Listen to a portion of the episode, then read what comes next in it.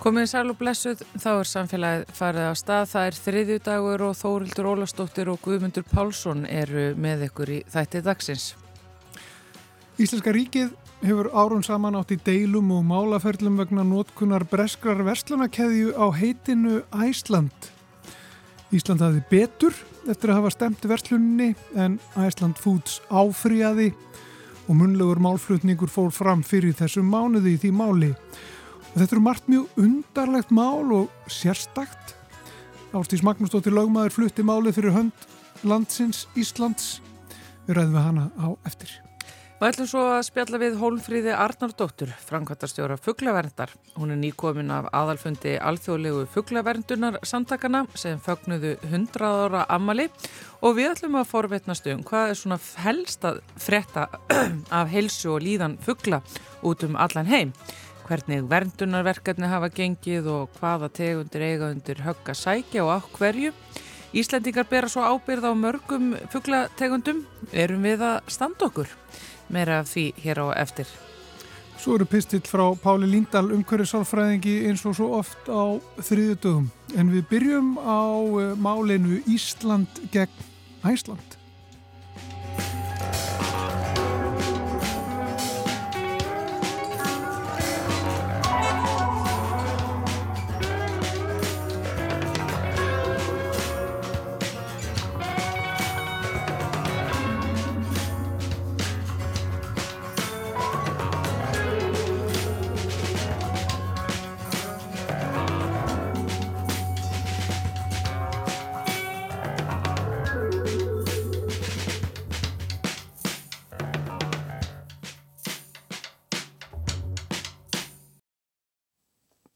Hrafnaflóki er saður hafa gefið Íslandi nafn sem festist við það fyrir um 1150 árum síðan.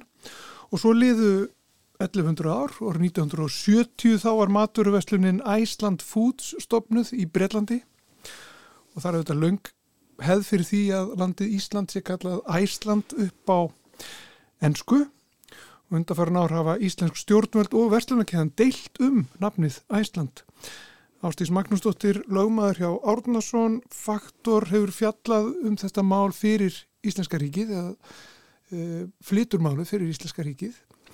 Fjallað um þetta í, í hátteginu á fundi í Háskóla Íslands um þetta mál. Hún er sest hérna hjá okkur, verður velkomin til okkar. Takk fyrir. Um, ef við byrjum bara e, á að fara yfir það um hvað þetta mál snýst. Það snýst um nafnið. Æsland, það snýst ekki um Ísland Það snýst um Æsland. Já, akkurat. Þetta snýst um uh, orðið Æsland, hreinlega, sem vil svo til að það er nafnið á landin okkar sem að, að þessum bresku aðalum fannst góð hugmynd að nota sem heiti á sínu matvörumarkaði árið 1970. Sagan þeirra er svo að hérna, þetta er matvörumarkaður sem að, að selur aðalega frosna vörur og þetta er svo kallað svona æs land land einhvers sem er þar sem allt er frosið. Þessi skemmtilega tvíraðinni hvort að við getum hérna trúa því að þeir hafi verið algjörlega ómeðvitaður um að það vil svo til að þetta líka hafi verið heiti á landi þetta hafi líka verið heiti á landi. E, það skal ósagt látið. En já þetta snýst um þetta. Þetta snýst náttúrulega ekki um það að sko okkar land heitir Ísland og mun alltaf gera það og það verður þýtt sem Æsland á ennsku en e, þetta snýst um nótkunn þeirra á þessu orði sem vörumerki og skráningar sem þýðir að um leið og þeir eru að nota og skrá þetta orð fyrir ákveðnar vörur og þjónustu þá eru þeir í aðstöðs að banna öðrum, þar með tali íslensku fyrirtækjum, að nota orðið Æsland í tengslu við markasetningu á sömu vörum og þjónustu.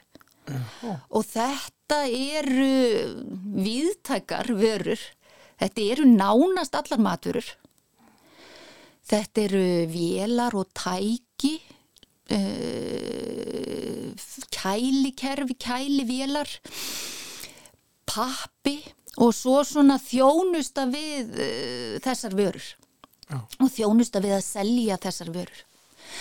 Þannig að, að já, þetta, um það snýst deilan að þeir vilja eiga þetta orð í tengslum við sölu og markasetningu á þessum hörum. En nú, nú þekkjum það að Æsland hefur notað mjög mikið uh, af íslensku sjáorútusfyrirtækjum uh, eða útflutningsfyrirtækjum í sjáorútu það er bara beinlinis í, í nöf, nöfnum þeirra félaga, Æsland Seafood og, og, og þess aftar hefur verslunin uh, Æsland Foods sett upp á móti því og, og slíku, slíkri markasetningu Já, reyndar. Á þess að ég geti farið kannski úti, ekki mikið úti í sko einstök deilumál. En þeir, já, þeir hafa andmælt skráningum á vörumerkjum sem innihalda orðið Æsland í eigu íslenska fyrirtækja. Og þar með sett sig upp á móti því að slíkmerki verða skráð.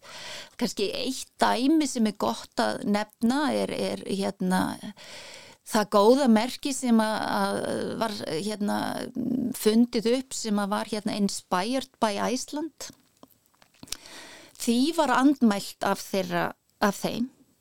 Mál sem reyndar vannst uh, af Íslenska reikinu en við, þannig að það er ekki hægt að segja og, og ég veit líka að þeir hafa gert aðtjóðsemtir og andmælt skráningum í, í eigu fyrirtækja í sjávarútvegnum Þannig það er ekki hægt að segja að þeir vilji bara fá að, að heita áfram að Ísland og þeir ætla ekki að gera neinum neitt svona eins og svona stundum að þeir heyrir í fjölmiðlum sko, í viðtölum og öðru þá, þá eru þeir svona svolítið að halda því fram. Þetta þeir meg alveg nota vísa til Ísland sem uppruna en um staðan er svo að um leið og orðið Æsland fer að verða svona raumurlegur hluti af vörumerki sem slíku e, í eigu íslenskraðala eins og til dæmis Inspired by Iceland þá er Æsland orðið stór þáttur í vörumerkinu sjálfu þá hafa þeir verið að gera aðtóðsendir mm -hmm. Og þess það er brúðist við á hálfu íslenska stjórnvalda? Já, þess vegna er í rauninni brúðist við uh, og það má segja að það varð ákveðin vendipunktur í málunni, þetta mál hefur verið í gangi mjög lengi. Uh, það varð ákveðin vendipunktur í málunni eins og við byrjum á hérna upp að við, þetta fyrirtæki stopna 1970 á sér langasög í Breitlandi. Uh, fram til ársins 2002 var engin að, að gera aðtúarsemtir við eitt eða neitt, hvorki þeirni við e, eða Íslenska ríkið, réttar sagt. Um, en árið 2002 leggja þeir inn viðtæka vörumerkjumsókn út fyrir landsteinana sem átti ekki að gilda bara í Breitlandi heldur átt að ná yfir öllunda Evrópasambatsins. Bara fyrir orðið Æsland við ætlum að eiga það meðal annars fyrir allar matvörur í Evrópasambandinu. Þá getum við orðað að penta við vaknað svona, svona vöknuðum við af, eða Íslendingar eða Íslenska ríkið af, af værum blöndi, heyrðu þetta kannski er ekki alveg sniðugt. E, og svo hefur sem sagt, hvað var að segja svona aðgerði þeirra síðan þá hafa aukist ef eitthvað er. Þannig að, að þetta mál er ekki leist og er líklegast langt í frá búið sko. Jáhá, og hva, hvað fór þá í ganga á sínum tíma?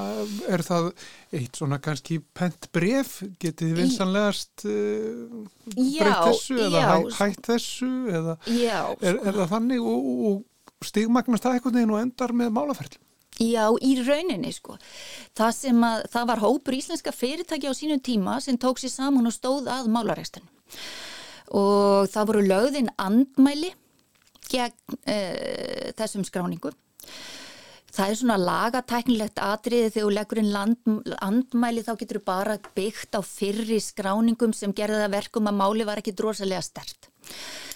Samhliða því er búið að vera í gangi ímsar eh, viðræður á milli aðila og, og, og hérna, sem hafa svona e, gengið upp á ofan en, en Ísland hefur svona verið nokkuð, svona allavega síðust ár, svona nokkuð fast fyrir í því að það er ekki verið að fara fram á það að, að þeir breyti heitinu á fyrirtækinu sinni í Breitlandi. Mm. En það er verið að fara fram á það að þeir eigni sér ekki orðið Æsland innan Evrópusambandsins fyrir allar þessar vörur og þjónustu og þá eru við að tala um sérstaklega þegar um er að ræða óháð allri stilfærslu á merkinu því að það er svo getur verið stigsmunur hvort út bara með orðið Æsland skráðið eða hvort þú ert með að skráð sem svona orð og myndmerki kannski orðið en, en þú ert í raun og vera að skrá eitthvað svona stilfærslu Þannig að já, þá, þá fara af stað þessi málaferli, e, upp, þessi uppalegu andmæli voru síðan dreyin tilbaka því að þau voru ekki talið nóg sterk og ákfiðið í rauninni að leggja inn þessar ógildika gröfur sem að máli snýst um núna. Því um leið og, og það var gert, þess að andmæli dreyin tilbaka, merkið fæst á skráð og við vissum það. Evrópusambandi mata þannig að þetta væri skráningarhæft. Þá gáttu við lagt inn þessi, þessir, þessar ógildingakröfur og byggt á öðrum grundvelli, bara í grunninn byggt á því að það sé mat okkar að orðið Æsland sé ekki skráningaræft sem vörumerki, það verði að teljast í rauninni lýsandi um uppbruna. Fólk upplifið þetta sem lýsingu ákveðnum uppbruna en ekki vörumerki eins fyrirtækis. Já. Og undir það var tekið og, og, og, og skráningarna voru feldar og gildi árið 2019 e, í Evrópusambandinu og svo hérna hafa þeir núna áfriða því og það er málflytningur í þeirri áfriðun sem áttu sér staða núna í september. Já, og það, þeir áfriða e, málflytningur núna í september, munlugur málflytningur það er þótti eh, aðtilsvert ekki satt að það væri munlugur mannfluttingur hreinlega í því máli. Jú. Af hverju það? Sko, það eru svona áfríðana nefndir innan evrósku eh, eða EU IPO eins og hún er skamstuð á ennsku uh, evrósku uh, hérna eða European Union Intellectual Property Office og ég lefi mig nú að segja það á ennsku E, þar eru áfríunanemdir sem að, að taka venjulega á svona málum. Svo er til eitthvað sem heitir Grand Board sem eru stærri áfríunanemd og, í henni eru þá nýju aðilar e, samanbori við 1 til 3 í hennum nefndunum. Og þeir taka að sér einstaka mál.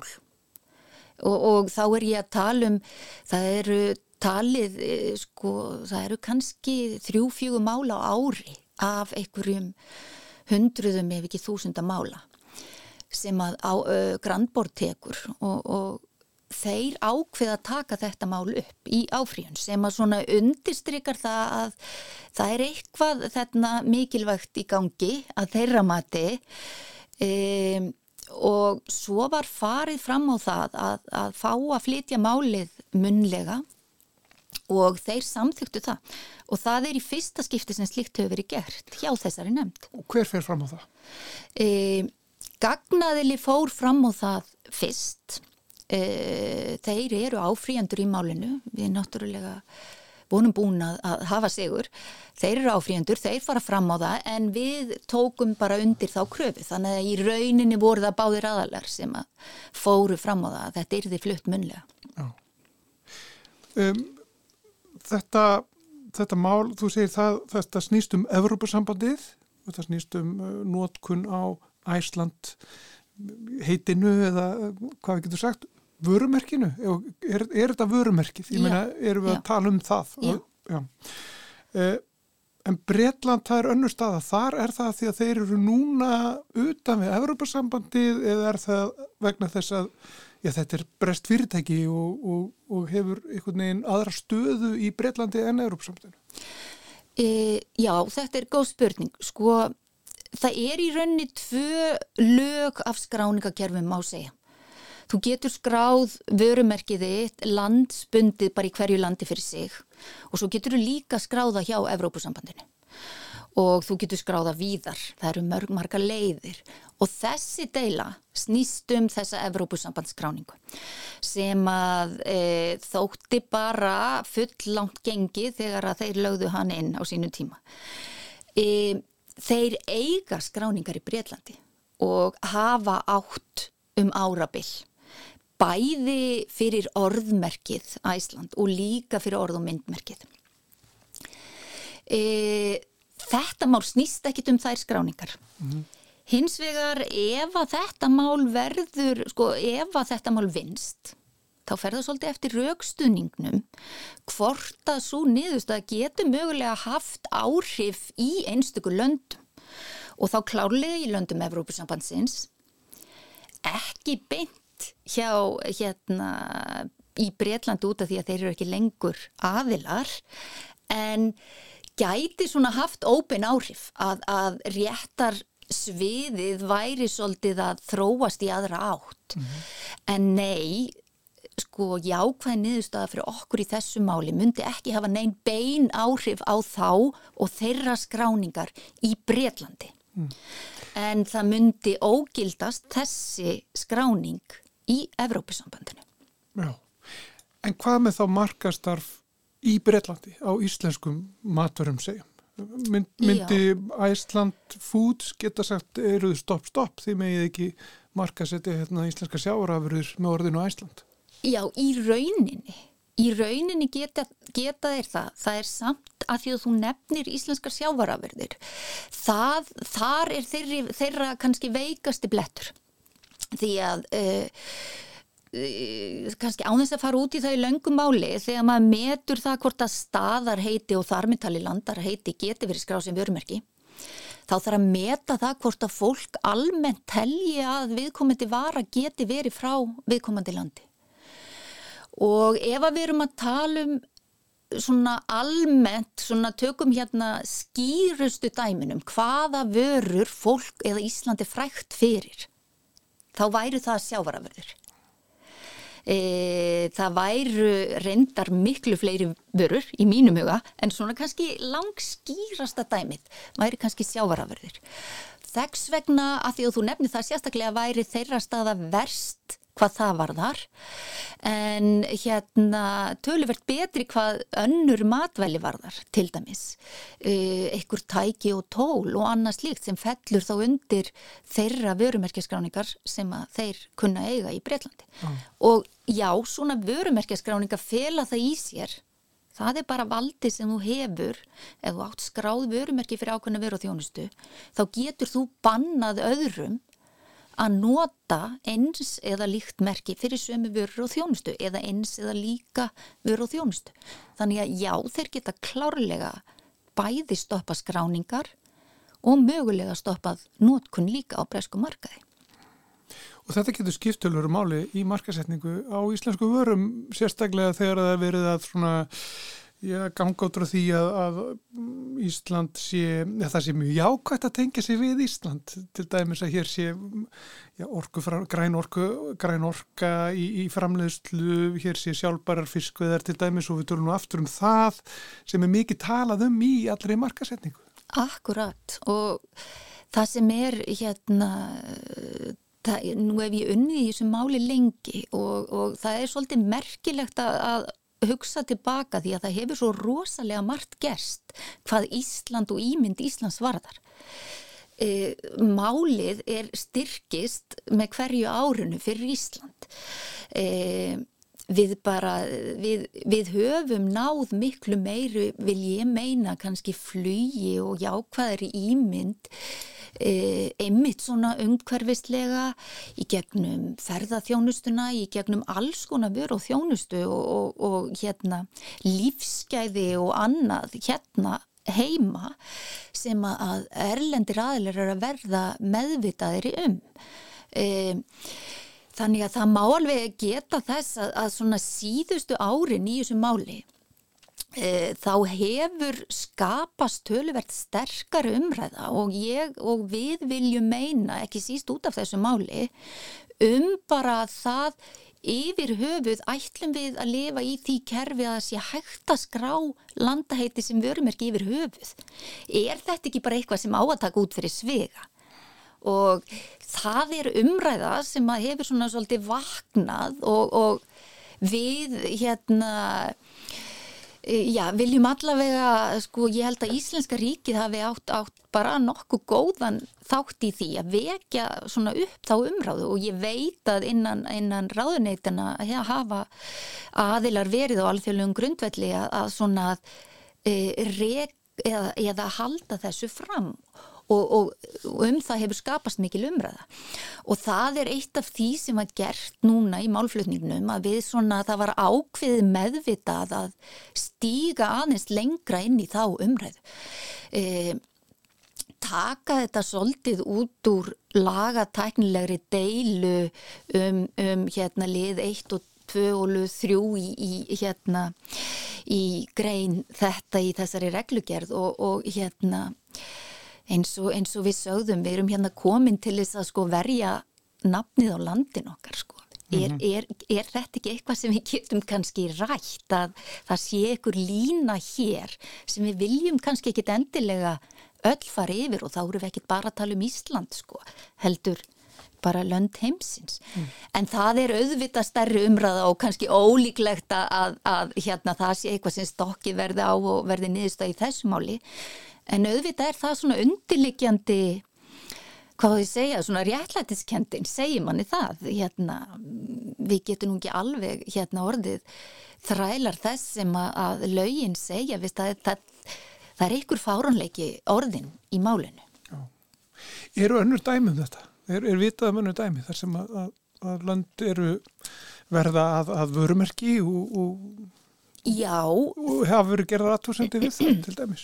Já, það eru önnur dæmi, það er kannski, það er færri dæmin þegar kemur að landaheitum en það eru mjög mörg dæmi þegar að, að kemur að svona stærri staðarheitum. Mm -hmm.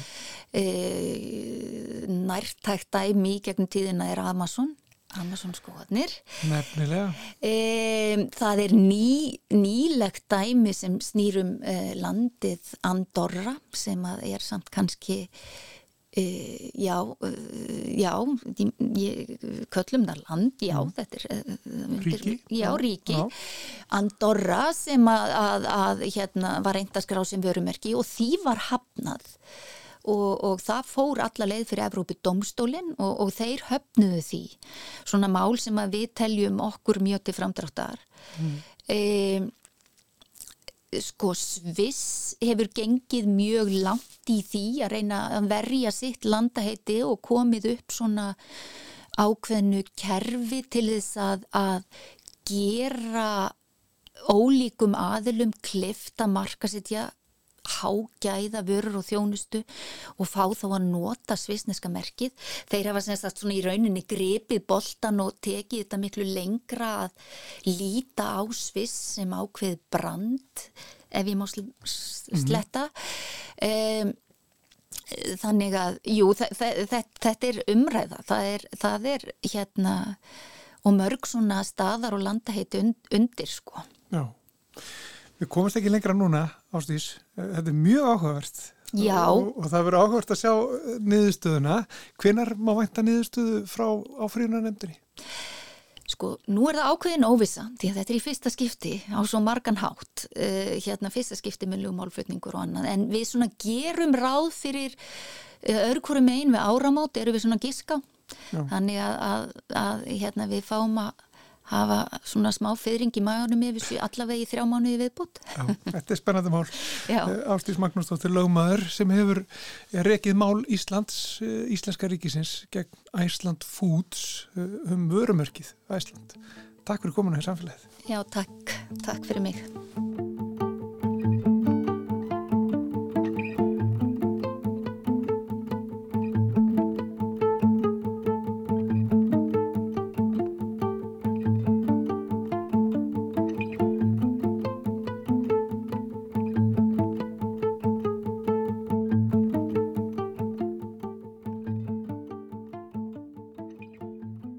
Hún sest hjá mér Holmfríður Arnardóttir, framkvæmtastjóri fugglaverndar, nýkomin af ráðstöfnu hjá alþjóðlegu fugglaverdunar samtökunum Sælvertu Holmfríður. Já, sæl. Hvað snýst þessi ráðstöfna um hjá ykkur og fugglaverdunar samtökunum alþjóðlegu? Alþjóðlegu fugglaverdarsamtökin eru félagsamtök og sem að við erum sérstaklega hluti af fugglavend uh, og við kallum okkur sérstaklega börnlæfa Ísland. Mm. En uh, þessi rástefna var í raunni bæði aðalfundur sem félagsamtök þurfum við og þau og, og öll félag hafa aðalfund og einni var verið að fagna 100 ára ammæli uh, félag, sem sagt alþjóðlu fugglavendarsamtakana. Já, og það kemur fólk frá fugglavendarsamtökum bara allstæðar á heiminum? Já, ég, ég, við vorum líklega 500 wow. samankomin, já og, og það voru sagt, það var 119 félagsamtökum var bóðið mm. að koma það reyndar komu ekki allir en það hérna kannski segi sér sjálf það kom ekki, komu ekki hérna, fulltrúa frá Kvítarúslandi frá Rúslandi nýja frá Úgrænu mm -hmm.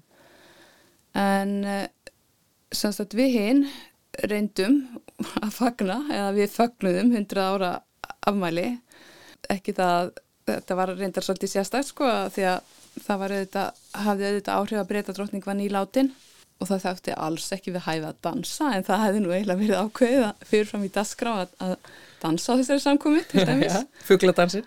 Já, nákvæmlega og, og, og, og allir dagar byrjaði á því að vota hérna uh, drottningunni virðingu við þáðum í mínútu á hverjum degi. Já.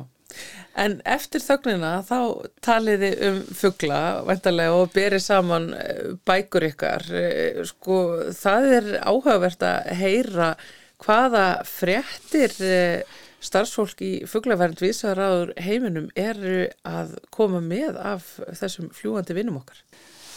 Já, sko það að, að hitta félagana er í rauninni ákvæmlega dýrmætt að sko þráttur að þetta getur kannski orðið að daldið að, að, að halleluja samkomu þá er líka, það er svo mikill bölmóður. Það er svo, það eru aðalega bara vondarfréttir úr náttúruvend en þarna gáttu við komið saman og fagna því sem, sem sagt, vel hafi verið gert mm -hmm. og sem er alveg, alveg hellingur.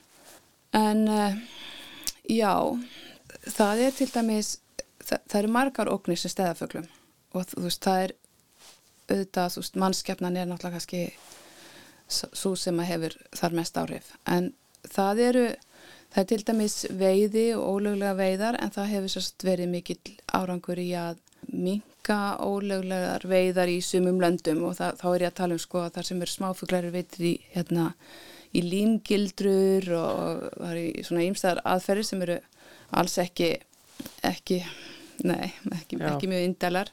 Og, og það hefur, það hefur nást árangur bæði bæði maður nefna í kýpur til dæmis, ég held að með bara mjög sterkri herrferð og, og, og þá hefur tekist að koma ólöglegum veðum bara niður um 90% sem er bara mjög góður árangur. Það er, það er ágætis árangur líka í til dæmis það, sko fugglameðabli í, í heiminum við veiðar. Mm.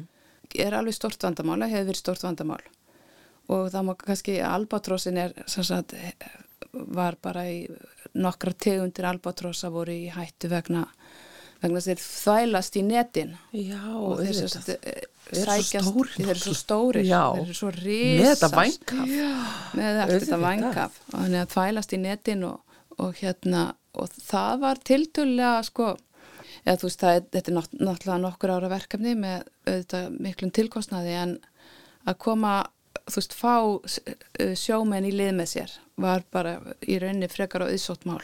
Að því að þetta vilja, þeir heldur ekki fá að risastóri fuggla í netin. Þannig að netin, þau skemmast og, og, og, og fugglin er drefst og þú veist, þannig að það, það hefur þó nokkuð mikill árangur þar. Og það hefur verið árangur í verndun verndun líka bæði storra svæða í Amazon frimskóinu þráttur að veist, það séu náttúrulega aðalega vondar fyrir eftir það en þá hefur samt tekist að, að vernda stór svæði þar og nú er ég ekki mikið svona mikið fyrir tölur sko en það eru einhverjir þúsundir ferkilometrar sem að hefur tekist að vernda þar og, og auðvitað hefur besta mál. Uh, svo er annað sem bara stendur okkur mjög næri, það er að sko fyrsta risastóra hafsvæðið hefur sagt, fengið verndu núna í gegnum alþjóðlega samninga, alþjóðlegur samningur sem er óspar.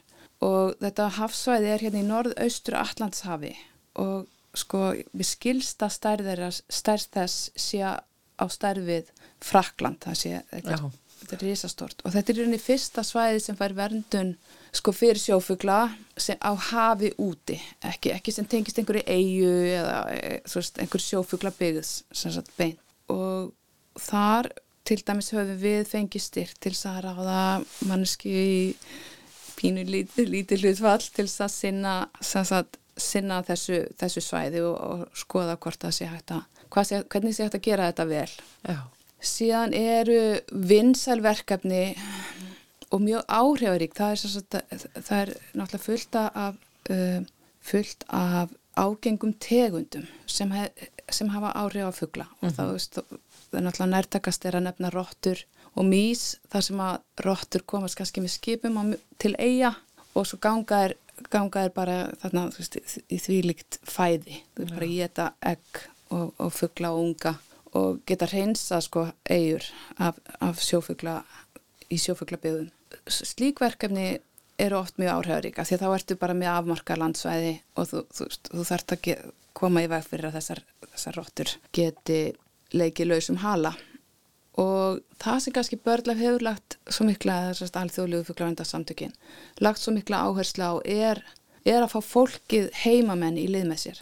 Það er eitt dæmi í Marakó til dæmis þar sem að, sko, að því að í raunni börnlef gengur út frá því sem er, er raunin að allstaðar er fólk sem að, sem sagt, ef að fugglir í útrýmingahættu þá er alltaf einhver hópur, einhver staðar sem hægt er að ná til sem geti hjálpa til að vernda þess þennan ákvæmna fuggl sem er hægt með ýmsum ráðum og nær, sérst, eitt dæmi sem við heyrðum af þarna var að í, í sérst, svona 20-25 ára tímabili í Marakó þá er það er hérna fuggl sem kallast skallaýbis held ég á íslensku Já. Mjög sérstakur. Ekki fríður á að líta ef ég, ef ég ef er ná, kominu fyrir mig sem ég held en hann, þetta er rosalega merkilega fugglar Já, mjög merkilegir en þeir voru semst komnir ég held að hafi verið kannski um 60 pör oh. eftir fyrir svona um 20-30 árum og á þessum tíma þá hefur náða að koma, koma þessum pörum upp í 700 pör. Og bara með, sko, með hjálp lítils hóps fólks sem býr á svæðinu. Og, og það er kannski verið svolítið svona útgangspunktur að fá heima fólk í lið með þér. Já. og stundum er náttúrulega kannski bara þetta, þú veist, þar stundum hefur svo að uh, fugglændafélagin fengið peninga til þess að greiða laun fyrir eitthvað af þessu. En sko við erum að tala um að, sko, að það séu átjón miljón sjálfbúðaliðar í kringum þessi 119 fjölug við erum að tala um 700 starfsmenn sem að vinna hjá þessum 119 félögum sem að við hérna er sérst aðeilar að börla við international. En Hólfyrður segir einmitt að þið reynir náttúrulega að taka náttúrulega helst með ykkur það sem að hefur vel gengið og það er vissulega eins og þú hefur farið yfir eh, verkefnin stór og smá og mikið í gangi.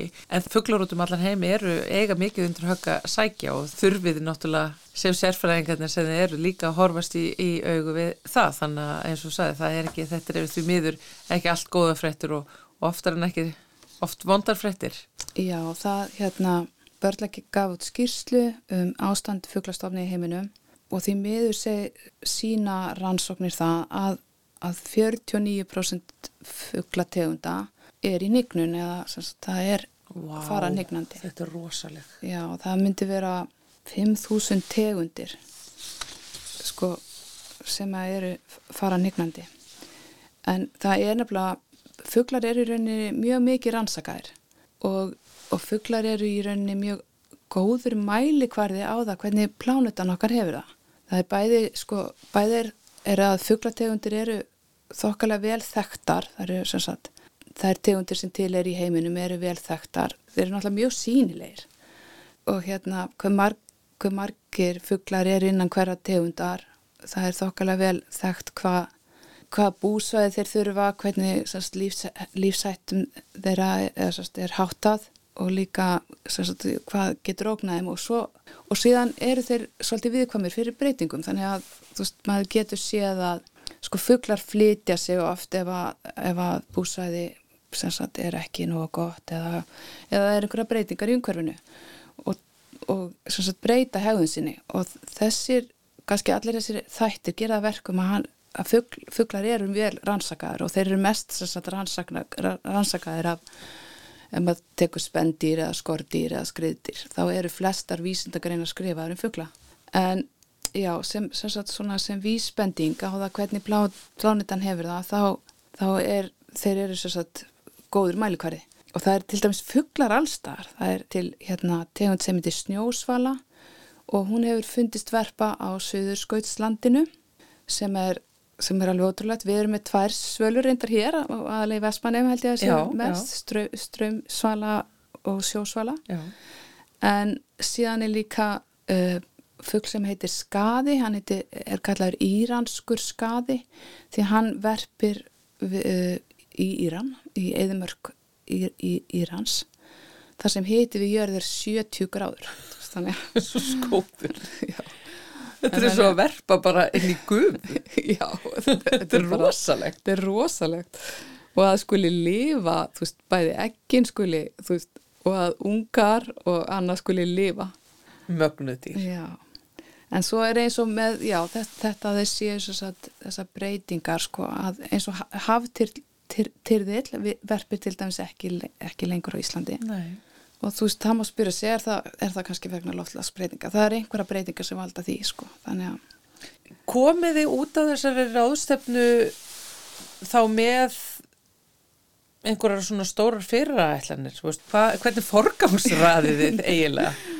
Já, reyndar er sko um, framtíðar áætlun til, til tíu ára var kynnt og já, það er verið að reyna að setja markið dalt hátt mm -hmm. og það, þetta er náttúrulega bara svo mörgum sviðum.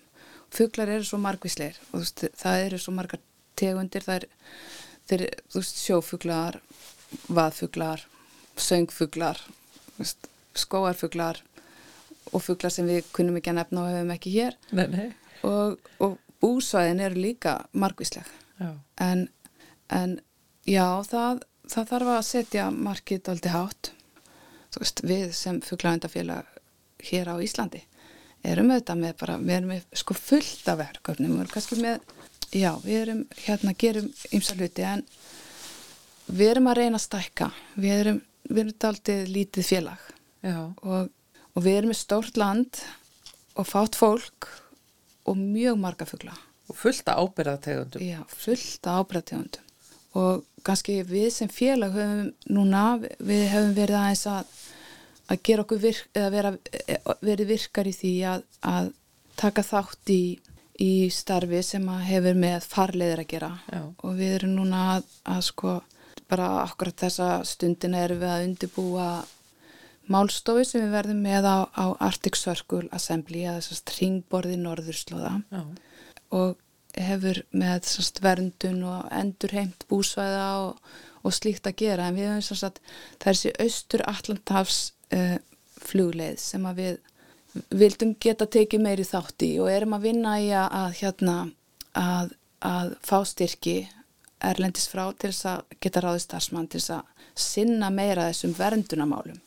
Að að sem félagsamtök með tvo starfsmenn þá, þá sinnum við sko, við erum svo svolítið svona tvíþætt, við, við erum með 1300 félagsmenn sem við náttúrulega sinnum einhverju leiti, svo er þessi fræðslu skild okkar sem við tökum mjög alvarlega og, og síðan er þessi vernduna þáttur, þú veist þá bæði fugglategunda mm.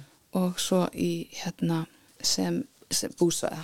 Já. og þá höfum við alveg verið að blanda okkur sko, við höfum verið að endurreimt á Votlendi í Fríðlandi í Flóa síðan 1997 og tökum þess að þátt í verkefnum um, hérna, endurreimt með öðrum kannski erlendis frá, við höfum verið semst með í styr, styrtar, slíkum styrtarverkefnum. Og þá helst á hvernig veist, læra við öðrum og, og, og, og deila okkar þekkingu og þá hefur við fengið landgræðsluna og Votlendi sjóð og í lið með okkur. Þannig að það, veist, það er mjög öðvöld að vinna á Íslandi með öðrum. Það, það hefur alltaf það hefur við fundið vel fyrir góðum velvilja og fullt að slíkum verkefnum. Íslandingar eru held ég bara fugglavinnir upp til hópa. Já, ég heldur séð að þó sem ég viti það ekki alveg en já, ég sko, það er þeir eru, þeir eru okkur svo nærri sko. Og það er svo auðvelt að sjá fuggla í Íslandi. Mm -hmm. við kannski tökum það svolítið sem gefna af því að þeir er, það er, það er aldrei auðvelt og þeir fljúa og þeir eru út um allt. Og kannski tökum ekki alveg eftir þeim svona til þess að byrja með en það þarf ekki það þarf ekki að íta mikið við fólki til þess að byrja að sko að sjá, taka eftir svo kviknar áhugin sumir sagt, fara á þessa leið í að ég hef gegnum að gefa fjöglum í gardinum hjá sér og, og það var nút alltaf vakningi í því þessum, hérna, þessu tímabili sem við erum búin að vera gangið gegnum þar sem engi mátti fara neitt. Já, já. og það var alltaf vakningi að þú veist gefa fjöglum í gardinum og þá kviknar svolítið áhugin sko hvað heita þeir? Og svo hérna og, og þú veist hvert fara þeir á veturnar og, og svona þannig að þeir er, þeir, það er auðvelt að sjá fuggla og þeir útlendingar sem koma til okkar og, og eru bara alveg, veist, fatt í stafi yfir því hvað auðvelt er að sjá mikið af fugglum mm -hmm. og vera hér í mæ sko og heyra, þú veist, maður þarf ekki að fara, maður þarf alla að fara út fyrir eh, borgamörkin hér til þess að heyra fjölbreytan fugglasöng, mófuggla, vaðfuggla það er alveg Þetta er mikið lífskeiði Þetta er mikið, mikið lífskeiði Hvaða fuggl hér á Íslandi ættu við að hafa mestar áhyggjur af holmfrýður? Sko, ég held að, að það sé sjófugglónum kannski líki svolítið á að, að vernda sjófugglónu okkar. Og það gæti til dæmis hjálpað að hætta tína egg. Gæti hjálpað að, að friða fleiri sjófugglabygðir og stýra aðgangi að þeim. Sko, lundin ég við vildum sagt, alveg sjá minni veiðar á lundunum og hérna eða kannski bara að, að sölu að sölubenni væri komið á mm -hmm. já, ég hugsa sé sjófuglanir sem við kannski ættum að hafa mestar ágjöra Já, hver er staðan hér á Íslandi samabori við það sem að kollegaðínir annar staðar á heiminum eru í? Að staðan hér er að mörguleiti góð sko, í rauninni væri fullkomin ef að, ef að hérna, ef til dæmis ríkistjórnin gæti gæti framkvæmt allt það sem að og fyllt eftir öllum þeim skildum sem á hana er lagt sko mm -hmm. eða hún hefur skrifað undir.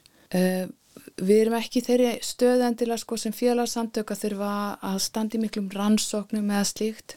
Við kannski stöndum freka fyrir því að, að reyna að þrýsta á að það séu gerðar þar sem, þar, eh, sko, þar sem það þarf. Uh, það eru samt sko miklar, það eru hættur hér sem eru sko skórækt gæti ógnað máfuglónum okkar og sem er, sem er náttúrulega kannski bara ekkit sem að sem fólk átt að segja endilega á.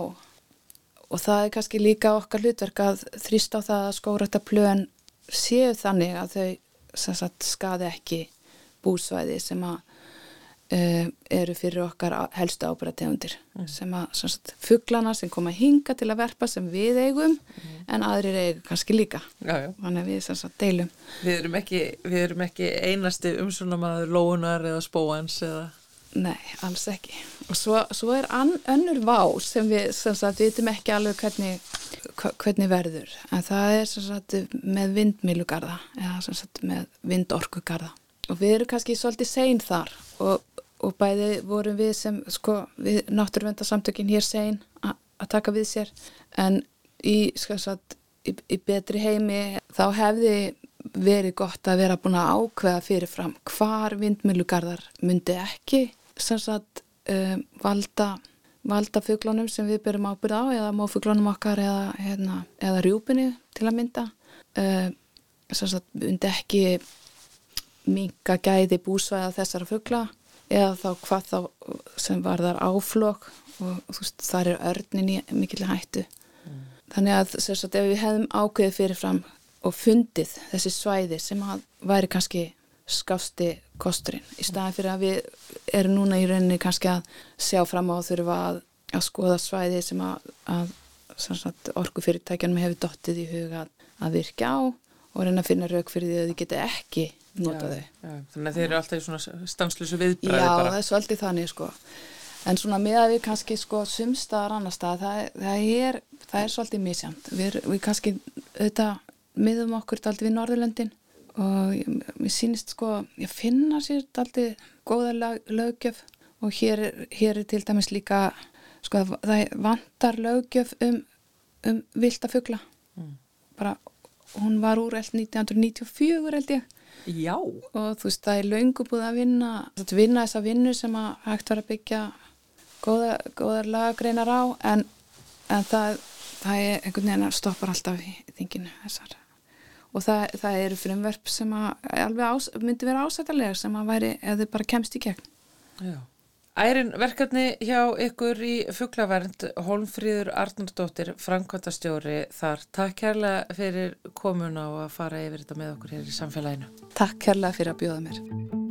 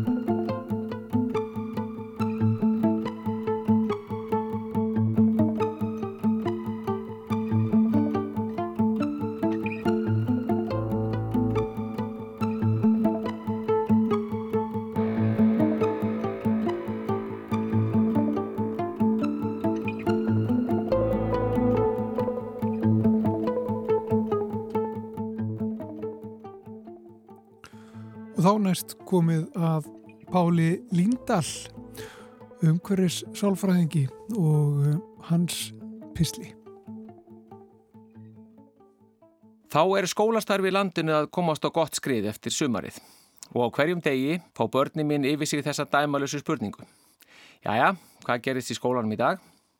Það er raun alveg merkilegt hvað mann skortir alla sköpunargáu þegar kemur að því að ræða skólan við börnin. Jafnvel þótt ímislegt hafi verið reynd í þeim öfnum og jafnvel þó að ég hafi sjálfur alls ekki þóla þessa spurningu á mínum yngri árum. Alltaf skal þessi upphafspurning leita í sömu átt. En börnin mín sína þessari sköpunar þurðminni skilning og rekja dægin samvisku samlega fyrir mér, segja mér skemmtilega sögur og frá helstu viðfángsefnum. En krakkar er oft klókir og mínir krakkar losa sig yðurlega úr snörunni með því að snúa samræðanum við og spyrja mig, en hvað gerir þú í dag pappi? Svo eru raktar úr mér garninar. Oft spinnast skemmtilegar umræður upp úr þessari fremur ófrjóu uppsprettu og mér þykir væntum að þessi samskipti eigi sér stað því að þau eru mikilvæg. Við byggjum upp tengsl, samheldni og sameinlegan skilning á hlutunum. Að fá vettvang og aðstöðu til félagsleira samskipta er nefnilega ekki alltaf gefið. Og í tengslu við þessar samræður flögrar hugurinn oft til skólaumhverfisins og þess hversu mikið hefur verið og er hugað að þessum þáttum við hönnun skólabygginga. Mér er hugsað til Östubæðaskóla, þeirrar mögnuðu byggingar, þanga sem ég sótti í mína grunnskólamentun. Þar sem hátt er til loft og vítt til veggja. En í minningunni voru samt ekki margi staðir sem beinleris henduðu til félagsleira samskipta, jú vissulega gangarnir og reyndar matsalurinn sem var upp í risi. Að lokinni skólavist í Östubæðaskóla lá leiðin í mentaskólan á Akureyri með stuttri viðkomu í Vestlunarskólanum. Þar voru aðstæður í anda Östubæðaskólans nema allt heldur minna í sniðum. Gangar þrengri og stittri og í stað matsalar í risinu var möðruvallakjallari helsta bækistöð félagsleira samskipta. Það var mér því frekar framandi upplifun þegar ég var kallaður til í verkefni í krikaskóla í Mósfellsbæ fyrir nokkrum árum. Því þar var komin allt önnur hugsun í hönnun og skipulag innanhús. Þar var sveianleikin í fyrirrúmi, enda nýjir kennsluhættir að riðja sér rúms og tækifæri til félagsleira samskipta fjölmörg og margvísleg. Þarna mátti sjá augljóslega þróun skólahúsnaðis undangengin hundrað ár. Hvernig skólar eru hannaður og byggðir hefur mikil áhrif á reynslu fólks og velferð og þar eru börn og ungt fólk í sérflokki í ljósi þess hversu miklum tíma þessir aldurshópar dvelja í skólanum. Skólaumhverfið getur því verið mjög mikilvægur þáttur í heilsueflingu barna og ungmenna. En spáum nóg í þetta samspil. Claire Latein, höfundur bókarinnar Schools That Heal, sem að útleggja má á íslensku sem heilandi skólar, segir að svo sé ekki. Latein spyr hvernig skólabyggingar væru hannaðar ef heilsa nefenda og þá engum andleg heilsa þeirra væri í öndvegi. Ef hanna væri skólaumhverfi sem gæfi nefnendum tilfinningu um að tilhera, myndi sefa kvíða þeirra, draga og hræðslu og blása þeim gleði í brjóst. Umhverfi sem íttu undir góða hegðun, öryggi, já bara betra líf fyrir nefnendur á skólatíma og jafnvel til lengri tíma litið því æska og úlingsár leggja mikilvægan grunn fyrir lífið. Ég hófst áhuga samur handað við lestur bókar Latein en það forvitin um hennar nálgun á hönnun, heilsusamlegs, uppbyggilegs og eflandi skólaumhverfis. En strax í byrjun bókarinnar kom fram áhugaverð nálgun undir yfirskriftinni Hönnun, heilsusamlegs skólaumhverfis, efli líðhelsu og sangirni. Latein gefur Manal Abuelata hjá Prevention Institute í Los Angeles orðið. Það er mikilvægt að við förum að líta á andlega heilsu fólks sem samfélagslegt viðfóngsefni en ekki bara á viðfóngsefni hvers og eins. Andleg heilsa fólks er ekki bara eitthvað sem lifir innra með fólki og er þær enga mál. Við þurfum að tengja fólk saman og skapa tækifæri til slíks. Í þessu samengi getum við horta á einmannarleika sem félur í sér skort á tengslum við aðra og getur haft verulega neikvað áhrif á heilsu fólks. Einmannaleiki er algengur á heimsvísu en þó er hann mismunandi eftir löndum.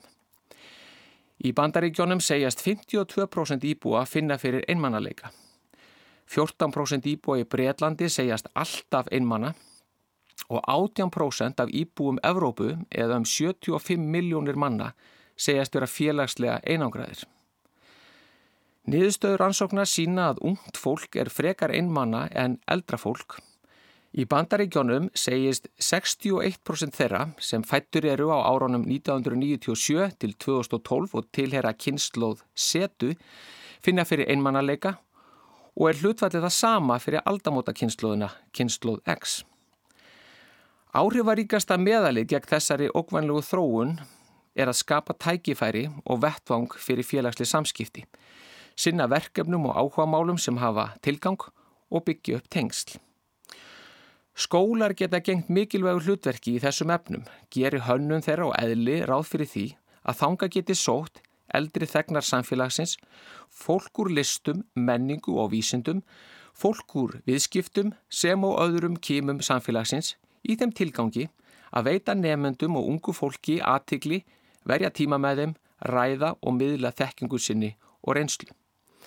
Þessi tilhugun er öllum í hag, nefendum, jamt og öðrum þegnum samfélagsins, því gera má ráð fyrir að heilsa almennt eblist sem og félagsleg samhælni og það jafnar stöðu þeirra sem í hlut eiga. Það eigur réttlæti og sangirni meðal fólks. Latein telur skóla grá upplæða til þess að gegna hlutverki fjölagsmiðstöða, þar sem lögð er áhersla á bætta heilsu og velíðan að vera hjartað í hverfinu, íbúum og öðrum til heilla.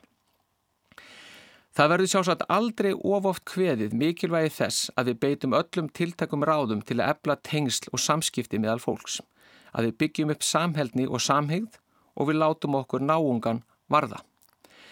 Í gegnum árin hef ég ofta átt leið fram hjá skólum og mentastofnunum utan skólatíma og hvergi sé ljósklætu í glugga. En ég ætla ekki að taka það að stjórnvöldum skóla hérlendis, í það minnst að ég Reykjavík, að aðgangur barna og úlinga að frístundamiðstöðum er mikilvægur og þakkarverður. Um kvöldmætaleitið í gær satt ég fyrir framann tölvuna að berja saman þennan pistil og þá ringir dyrabjallan. Ég fór fram og ítt á hnappin á dyrasímanum.